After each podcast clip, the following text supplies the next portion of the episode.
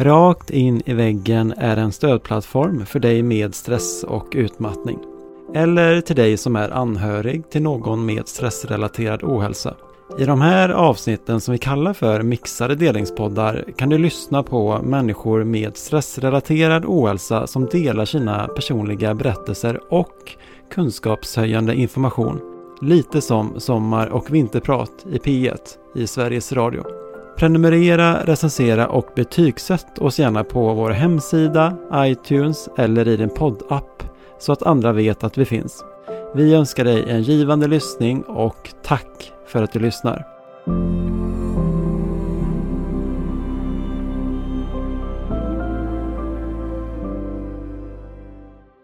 När vi under en längre period inte är i våra fönster, så om jag eh, under en lång period har Eh, högre ställda krav på jobbet. Jag måste alltid jobba över eller det är underbemannat och jag måste liksom göra mycket. Så kommer jag att åka ur mitt fönster uppåt. Jag kommer alltså en, en hög aktivering som gör att jag inte längre är i mitt optimala spann. Det kommer krävas, det kommer kosta mycket energi, eh, kroppen kommer vara påvriden hela tiden för att möta det här, de här kraven som ställs. Både de faktiska uttalade kraven från chefen men också de kraven som jag tänker och känner i mig själv.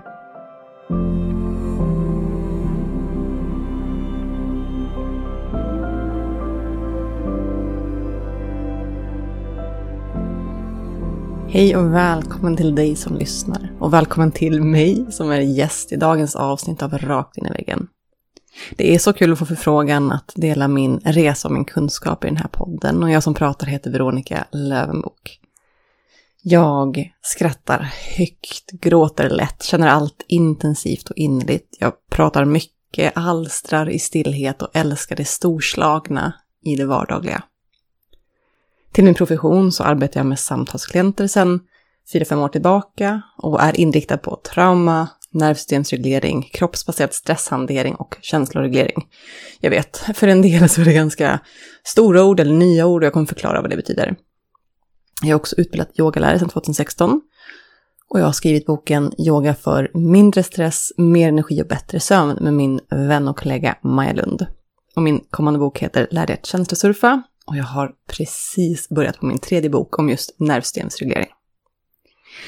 Jag pratar också ganska fort. Jag lever, tänker, är, verkar i ett högt tempo. Och för dig som känner att det här går lite för snabbt så vill jag ge min absolut bästa rekommendation när det kommer till att lyssna, oavsett om det är i Spotify eller podcaster. Gå till appen och sen finns det någonting som ser ut som en eh, hastighetsmätare. Där kan du ändra tempot på uppspelningen oavsett om det är den här podden eller musik eller någon annan podd. Tycker du att det går för fort så sänker du hastigheten 0,9, 0,7, 0,5. Det som passar dig, din ork, ditt tempo idag. Tycker du som jag att saker går lite för långsamt så kan man också höja. Jag brukar snitta på en och en halv eller två gånger hastigheten. Just nu sitter jag här och pratar med er, men förutom det så håller jag också på att skriva ett examensarbete i psykologi, där inriktningen är stress och känslor med kroppen som ingång. Och det är vad du kommer få höra om i det här avsnittet, om hur avgörande kroppen är för ditt mentala välmående. Om hur stress och känslor och kropp hänger samman. Och eftersom jag gillar konkreta tips så kommer jag också strö dem likt stjärnglimmer under avsnittets gång. Men vi börjar med dig. En incheckning. Kanske sitter du, kanske står du, kanske går du, kanske ligger du. Oavsett, vänd uppmärksamheten in. Och följ andetaget. Kanske uppmärksamma vart andetaget känns mest om det är i näsan, i svalget, i halsen eller i bröstkorgen när den expanderar och kontraherar. Hur, hur känns det? Ditt andetag, din kropp, din närvaro. Hur känns det? Och hur känns dina känslor? För en del är frågan ganska lätt. De beskriver fysiska sensationer i kroppen och kan namnge de här känslorna de känner. Andra möts av tomhet. Vadå känns? Det känns inte alls. I mitt arbete med samtalsklienter så möter jag båda två. Vi kommer prata mer om det.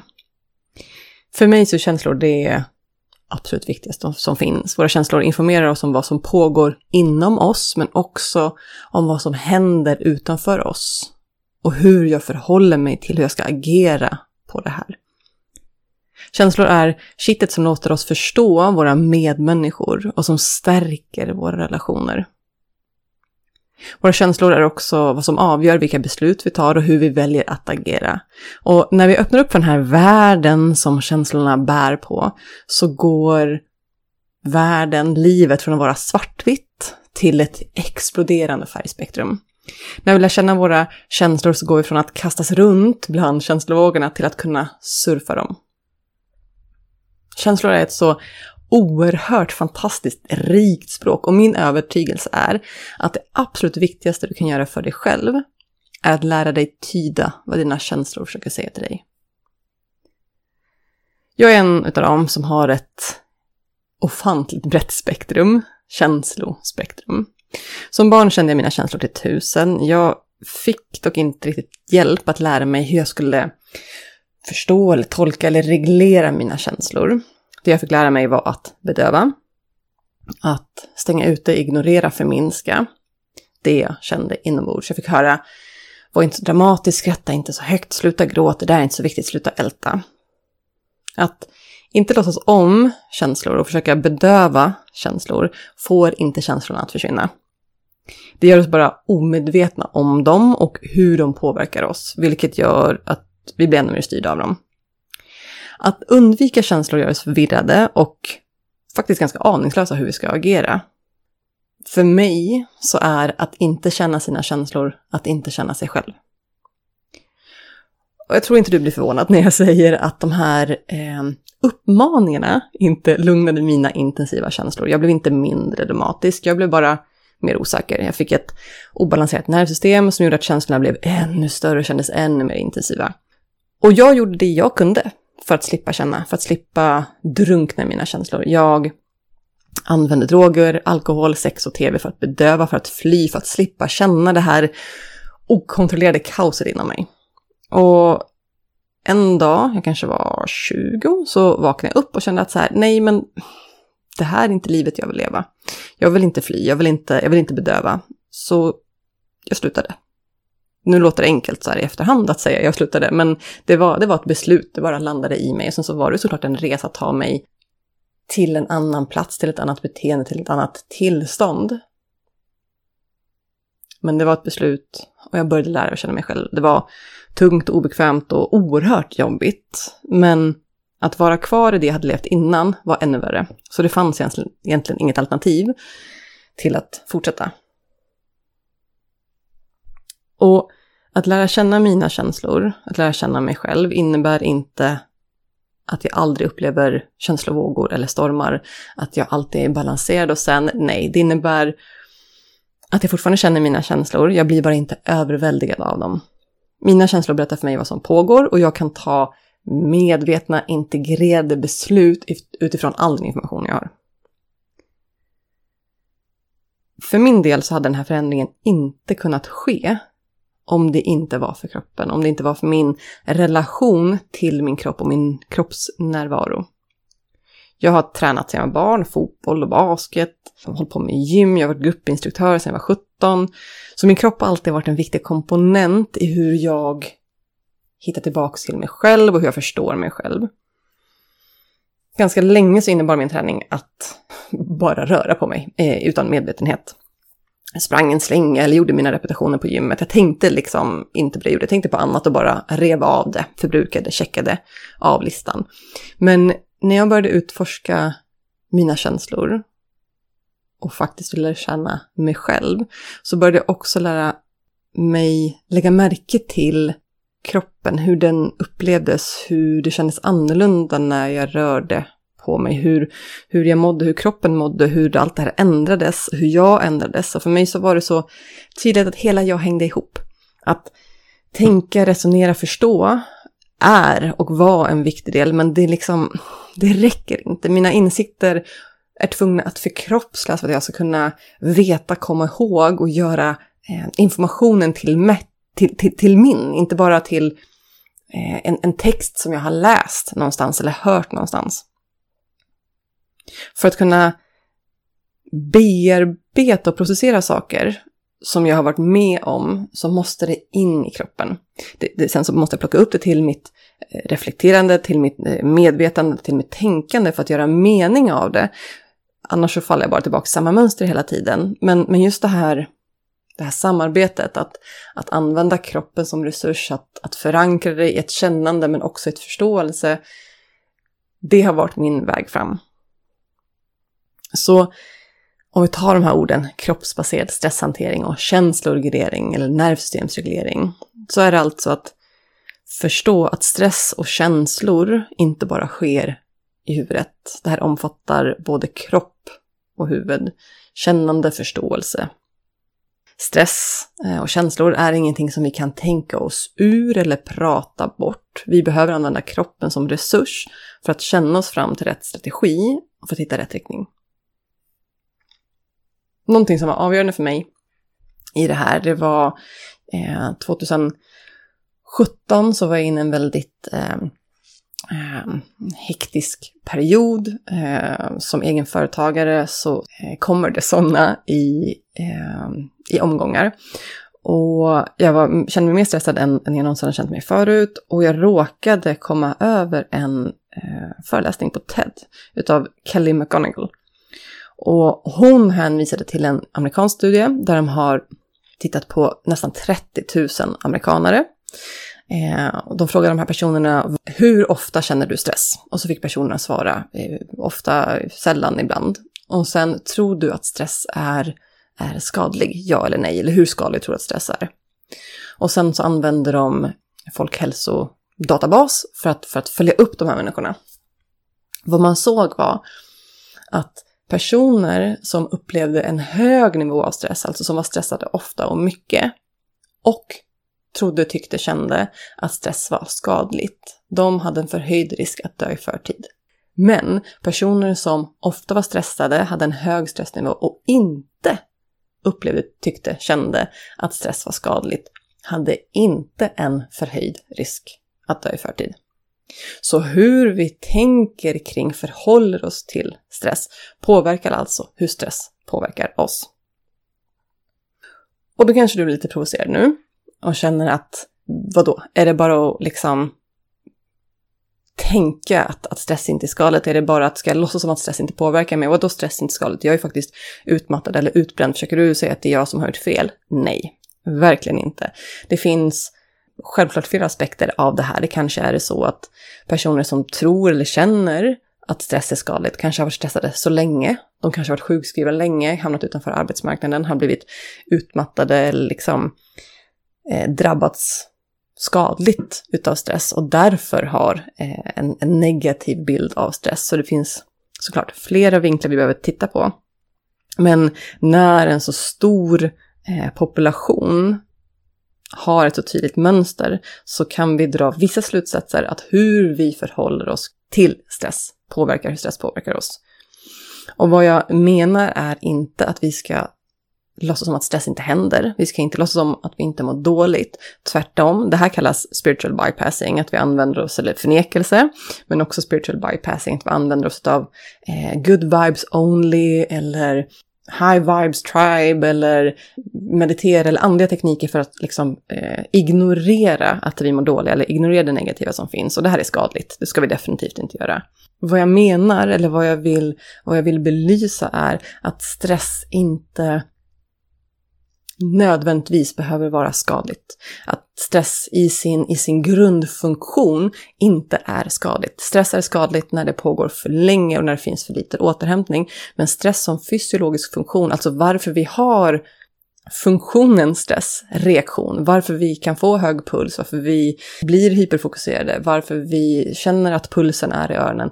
Syftet till att vi har den funktionen är för att vi ska tillfälligt under kortare perioder kunna prestera lite högre, lite mer, orka härda ut. Men, stort men, och vi stryker under det här männet, det ska också efterföljas av återhämtning. Och, fet stil understryken, och det ska ske ibland, inte hela tiden. Och i det här samhället vi bor i, lever i, verkar i idag, så är det tyvärr istället norm för undantagstillfällen. Och vad vi ska göra, vad som är hälsosamt och hjälpsamt, det är att erkänna att vi känner oss stressade. Att erkänna, uppmärksamma när kroppen säger det här är för mycket. Du behöver ta bort någonting, du behöver ändra eller minska eller jag orkar inte med. För när vi erkänner det så kan vi vara ärliga mot oss själva. Vi kan ändra, vi kan förekomma och vi kan bibehålla god hälsa. Så jag sa att jag skulle sprida de här eh, konkreta övningarna under avsnittets gång. Och vi tar en till incheckning. Följer antingen andetaget igen i näsan, munnen, svalget, bröstkorgens expansion.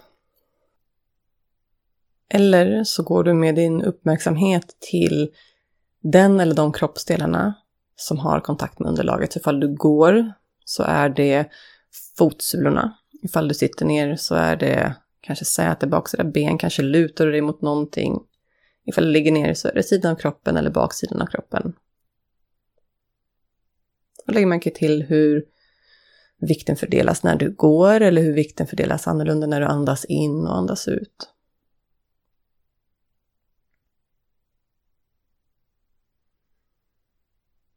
Och det här, introception, alltså känna vad som händer i oss när vi följer andetaget, hur känns det i mig? Och extroception, hur känns min kropp i kontakt med annat? Det är något av de mest potenta, verksamma, viktigaste funktionerna vi har för vårt välmående. Interoception. Att känna det som pågår inne. Extroception, att känna det som min kropp möter utanför mig.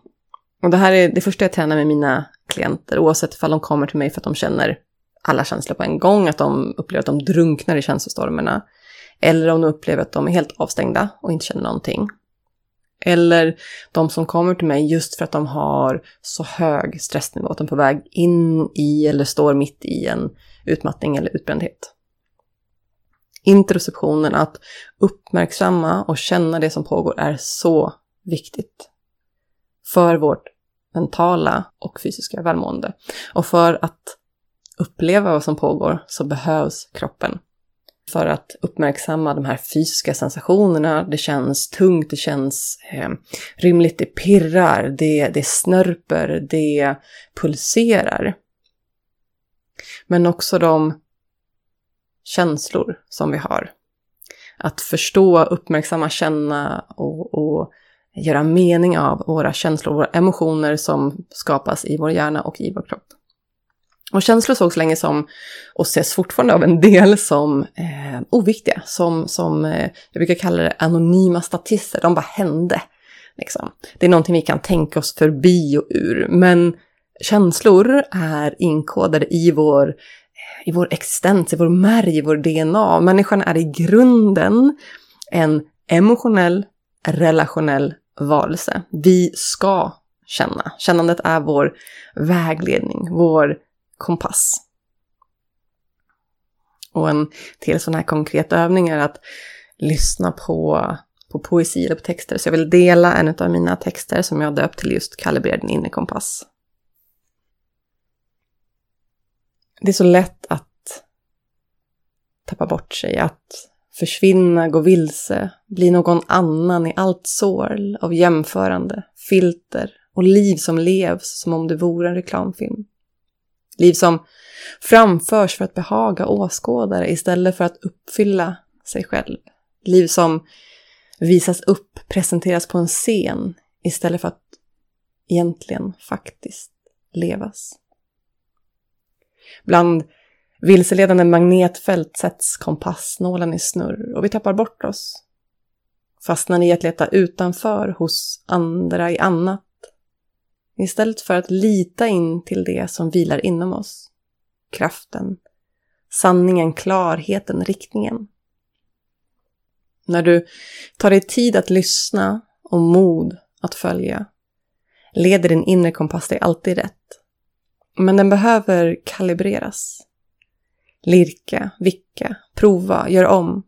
Rörelse skapar klarhet. Ta dig från att göra till att vara från huvud till kropp.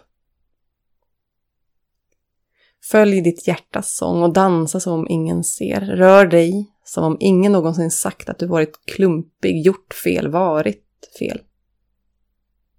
Lyssna inte på dem som säger att du inte borde känna efter så mycket. Känn efter mer. Känn efter. Känn före, känn under tiden. Känn och känn in. Vart din inre kompass pekar just nu, just idag. Förutom kännandet, förutom kompassen och interceptionen, så är toleransfönstret ett annat verktyg jag ofta använder och lär ut till mina klienter. Det är inte jag som har hittat på, utan skapare av toleransfönstret är Dan Siegel. Och toleransfönstret kan förklaras som det optimala spannet som omfattar både dig i, i hög aktivering, alltså du är exalterad, du är nyfiken, du är aktiv, men också en låg aktivering där du är fridfull och vilsam. Så det här fönstret, föreställ dig framför eh, ett fönster som liksom eh, öppnas och stängs. Antingen så är det två dörrar som öppnas mot dig eller så drar du liksom, eh, att du drar fönstret upp och ner. Så ditt, ditt fönster, ditt optimala energispann är att oavsett ifall du har en hög aktiveringsnivå eller en låg aktiveringsnivå så kan du när kraven ställs på dig så kan ditt nervsystem, så kan din kropp, alla dina processer och dina system kan svara på de förändrade kraven som ställs på dig på ett situationsanpassat sätt. Så ifall vi säger att jag eh, är ganska är lugn, jag, jag har ett högt eller ett stort toleransfönster, jag är i mitt optimala spann. Jag sitter ner och tar det lugnt. Och sen så eh, ringer en vän och säger hej jag har fått punka, du måste komma och hämta mig. Om jag har ett stort fönster, om jag är i mitt optimala spann, då kan jag, min kropp kan snabbt ställa om.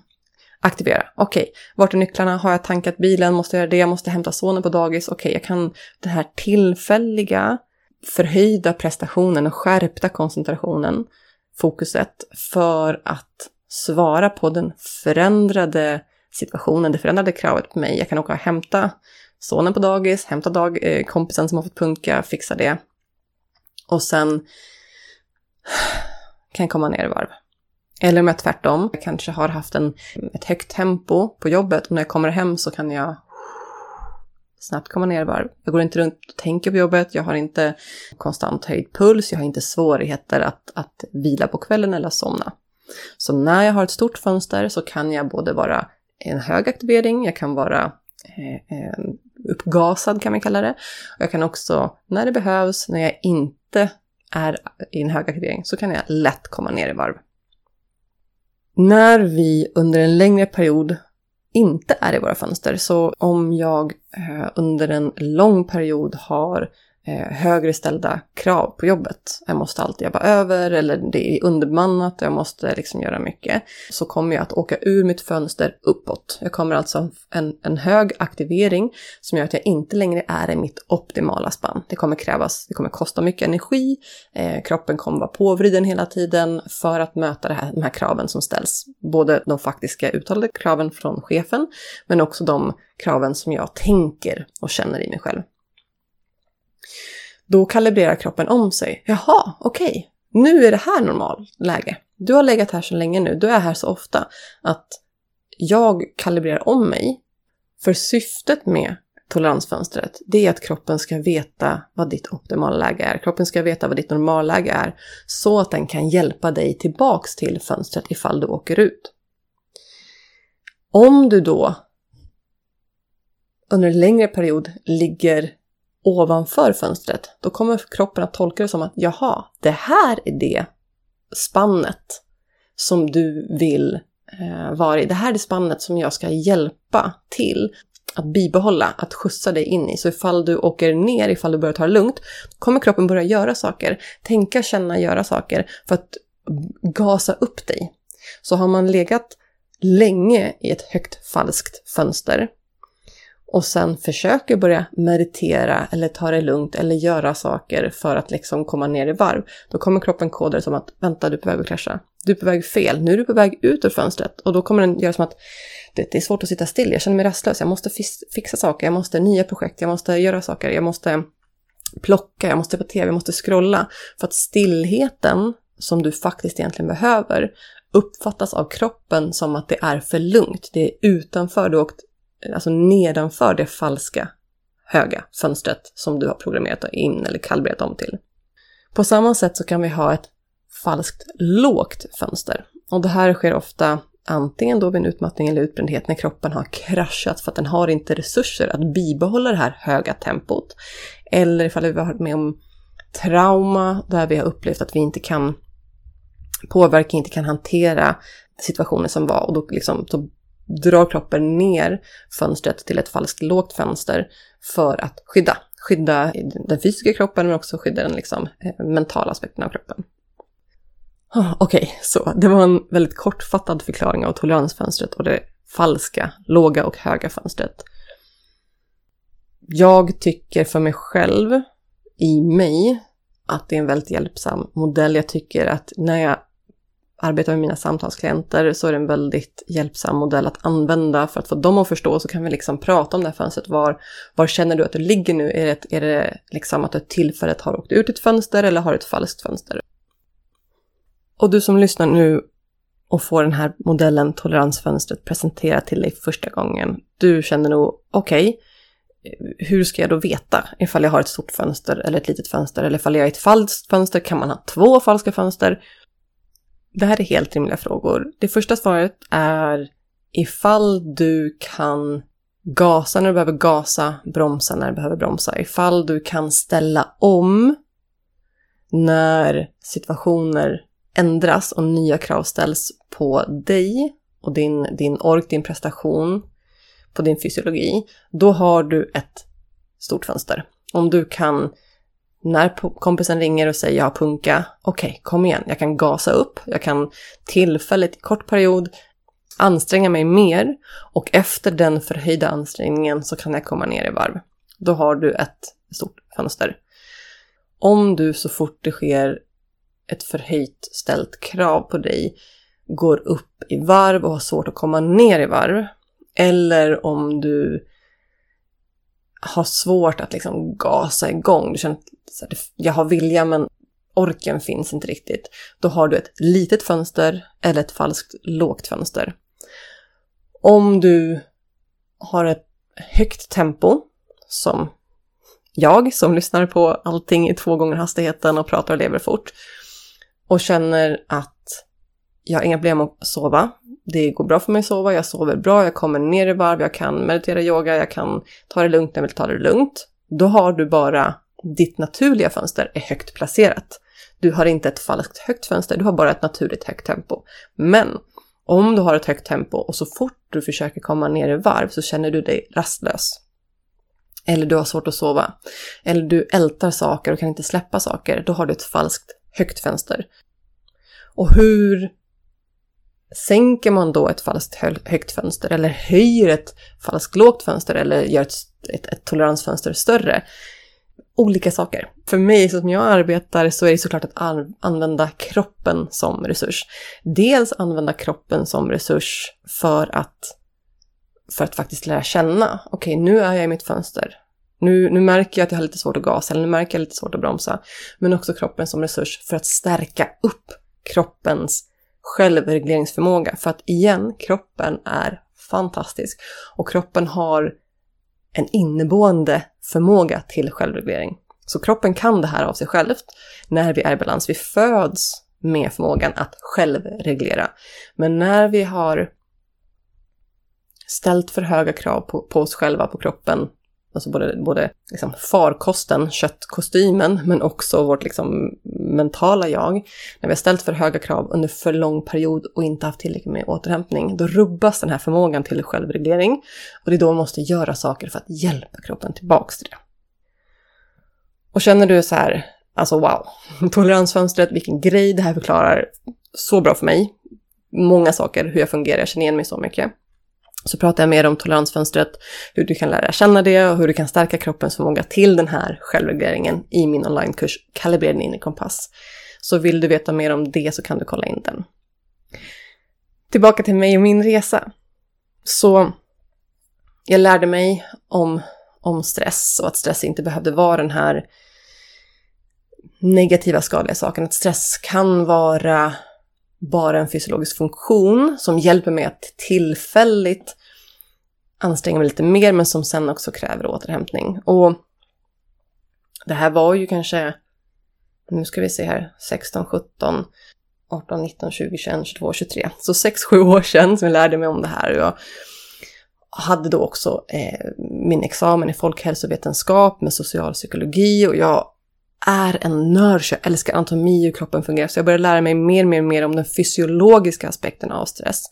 Och sen plugga lite mer trauma och lite mer psykologi och bara så här alla aspekter av stress, av känslor, av kroppen, av hur vi samverkar. Och alla de här verktygen och med min relation till, till min kropp och hur det här samarbetet mellan min kropp och mitt sinne hjälpte mig och tillät mig att leva i mitt höga tempo. Jag hade, har fortfarande, sen dess, jag har arbetat, drivit mitt eget företag och så har jag pluggat och sen gjorde jag IVF på det. Och jag kunde bibehålla mitt tempo, jag kunde bibehålla min balans, min självregleringsförmåga. Vi misslyckades, vi kämpade med barn i fem år, fick missfall. Jag lyckades bibehålla min balans och balans är inte att stå stilla utan det är att såklart jättesorg och förtvivlan och ilska och alla känslor som kommer. Men jag blev liksom inte eh, översköljd. Jag drunknade inte i vågorna utan jag kunde komma tillbaka, jag kunde stå, stå stadigt, jag kunde ha kontakt med mig själv genom alla de här utmaningarna. Och sen så efter allting så blev vi faktiskt gravida. Eh, har som sagt en son idag och samtidigt som jag var gravid så kom covid och sen så var det en pandemi på det och sen så föräldraledighet och sen så driva företag i det och trots allt det här så kunde jag med mina verktyg, med min kunskap, med min kontakt med mig själv så kunde jag stå kvar i balans. Och det funkade tills det inte gjorde det längre. Förra året så på sommaren så blev min son ett och ett halvt och sen typ gravidmånad 8 eller 9 så hade inte jag sovit. Och har du någon gång haft problem med att sova så vet du att så fort sömnen börjar strula så är det som att ett, allt annat blir, jag ska inte säga ett korthus, men allt annat blir så mycket känsligare. Jag skrev också min bok, som jag nämnde, Yoga för mindre stress, mer energi och bättre sömn. Den skrev jag under tiden jag var gravid. Inga problem.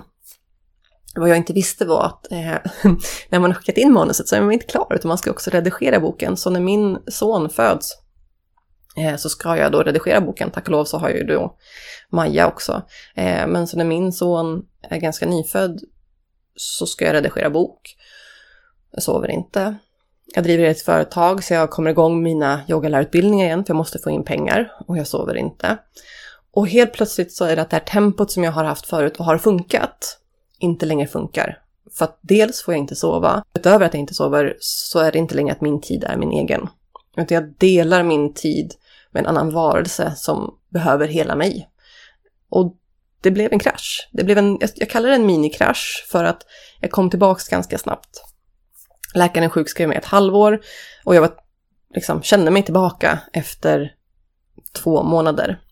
Och inte tillbaka som jag var innan för att jag insåg, tack och lov, att jag ville inte tillbaka till det tempot jag hade innan. Det, det funkade inte längre, det var inte längre intressant. Jag ville inte jobba hela tiden. Jag ville göra annat, jag ville, jag ville leva, jag ville vara med min nya familj och jag ville, jag ville fylla min tid med annat. Så jag var inte tillbaka i det som hade liksom inte funkat, men jag kände mig tillbaka på det sätt jag kände mig som mer som mig själv. Jag kände igen mig själv, jag kände att jag hade ork och lust och vilja och energi som matchade min vilja. Jag blev fortfarande liksom trött ganska snabbt så jag behövde vila en hel del innan jag liksom verkligen, verkligen eh, kände mig 100% återställd. Men jag orkade träna, jag kunde umgås med vänner, jag ville liksom göra saker. Och det här är inte inte skryt, inte tävling, utan mer för att förklara att vi upplever det här på olika sätt. En del har minikrascher och en del har stora krascher. En del, typ som jag som råkade slå huvudet lite i väggen och insåg att så här, oj, det här, jag måste stopp. Och jag vet att för mig, min, min kunskap, mitt utgångsläge hjälpte mig att inse i tid.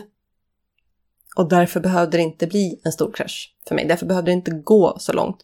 För kroppen sa till långt innan jag kom dit jag kom, jag bara lyssnade inte. Och samma är det med de klienter jag jobbar med som är på väg in i eller står i eller har varit utmattade. Att kroppen har sagt till. Den har viskat, den har petat, den har knuffat, den har sagt, den har skrikit, men vi lyssnar inte.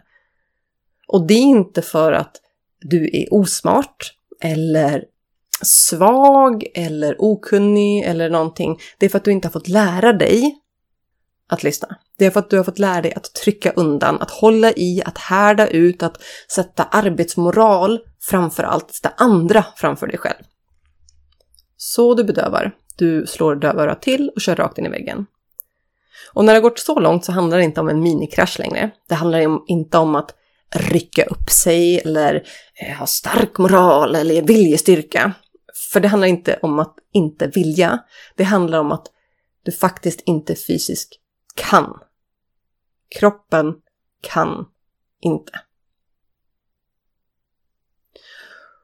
Och när man har kommit till den punkten, den här stora kraschen rakt in i väggen, då kommer också skammen och sorgen och ilskan och alla känslor. Jag är misslyckad, jag borde orkat mer, jag borde vetat bättre, jag borde inte hamnat här. Men det är inte lata personer som blir utmattade. Det är kunniga, ihärdiga, smarta, duktiga, kompetenta personer som blir utmattade, som kör rakt in i väggen. Framför allt så är det kvinnor. Försäkringskassan har statistik på att sen ungefär 2010 så har sjukskrivningarna för stressrelaterad psykisk ohälsa nästan sjufaldigats. Men den ligger ganska konstant. Så det är alltså kvinnor som har nästan 6-7 gånger högre sjukskrivning för stress. Och jag kan prata ett helt annat avsnitt om den fysiologiska aspekten varför kvinnor är programmerade, alltså hur vi i vår fysiologi är skapta att vara mer stresskänsliga än män. Men vi anpassar inte vårt liv och samhället möter inte upp att det ser ut så här. Vilket är en bidragande faktor till varför kvinnor i så hög utsträckning, mycket mer än män, blir sjukskrivna för stress. Och när jag säger det, checka in. Hur, hur känns det nu? Hur känns det i dig när jag pratar om det här? Hur känns det och vart känns det? Vilka fysiska sensationer upplever du? Men också vilka känslor, vilka emotioner, vilka tankar har du?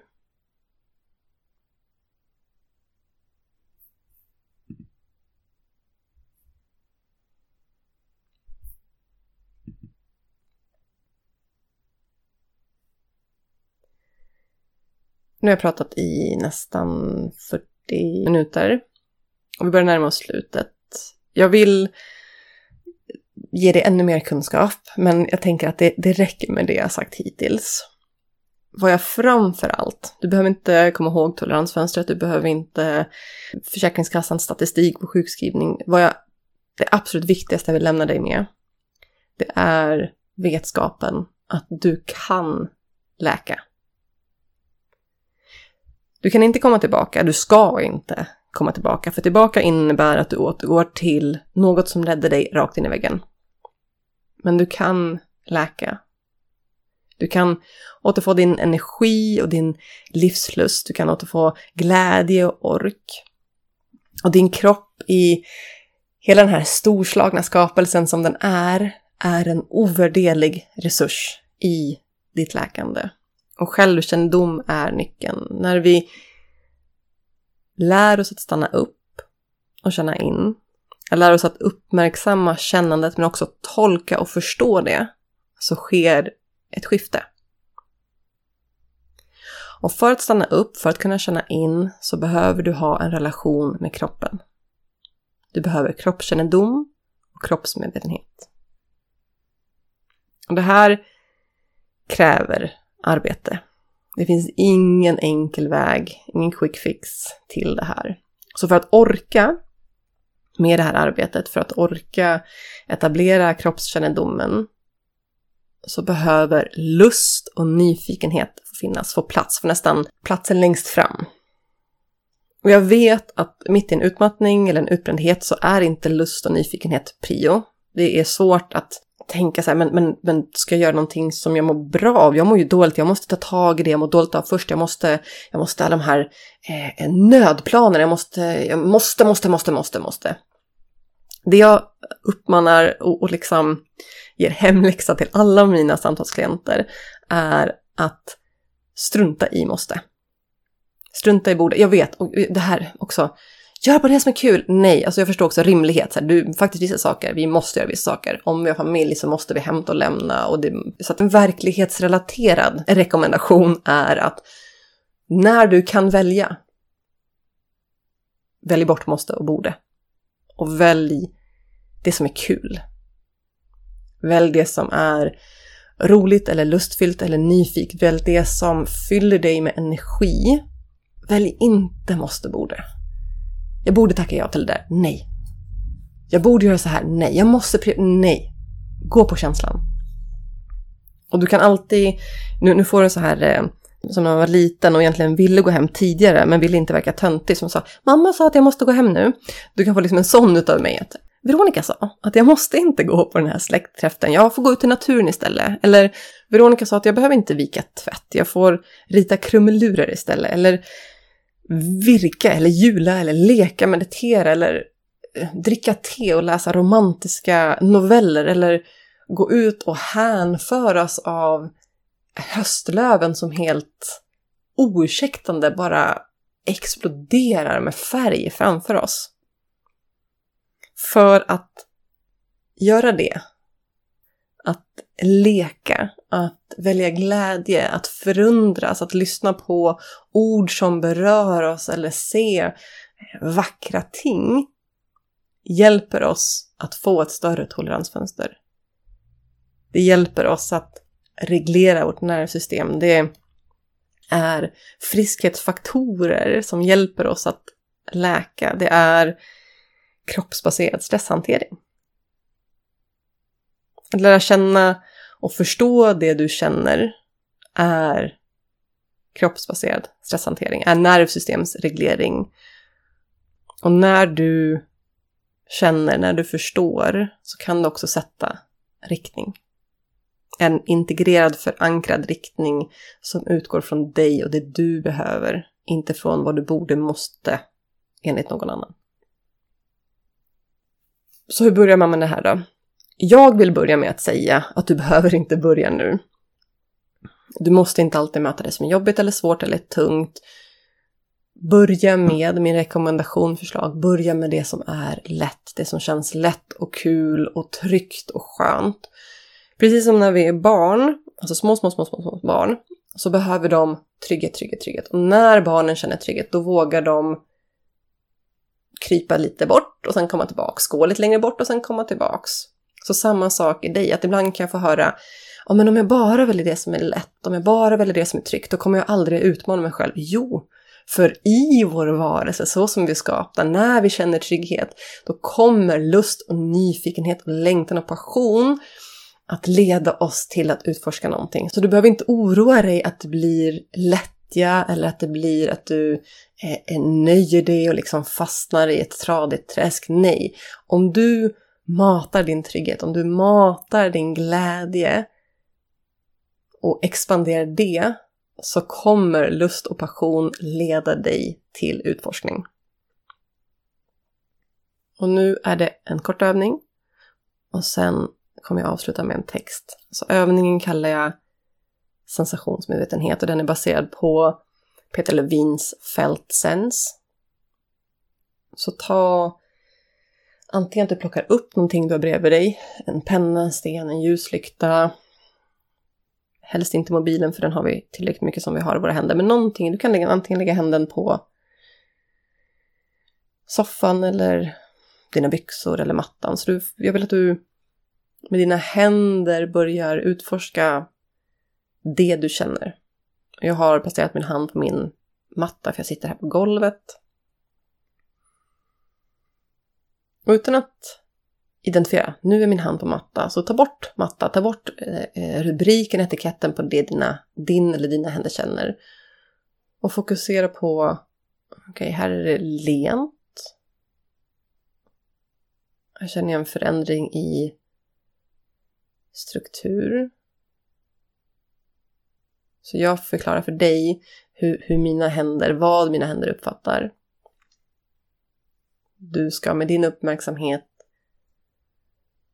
registrera konturerna, kontexten, kvaliteten, formerna på det din eller dina händer rör. Och kanske så bara uppmärksammar det, kanske gör du som jag gjorde. Att du för dig själv beskriver, här är det räffligt, här är det mjukt, här är det hårt, här är det kantigt, här är det knastrigt.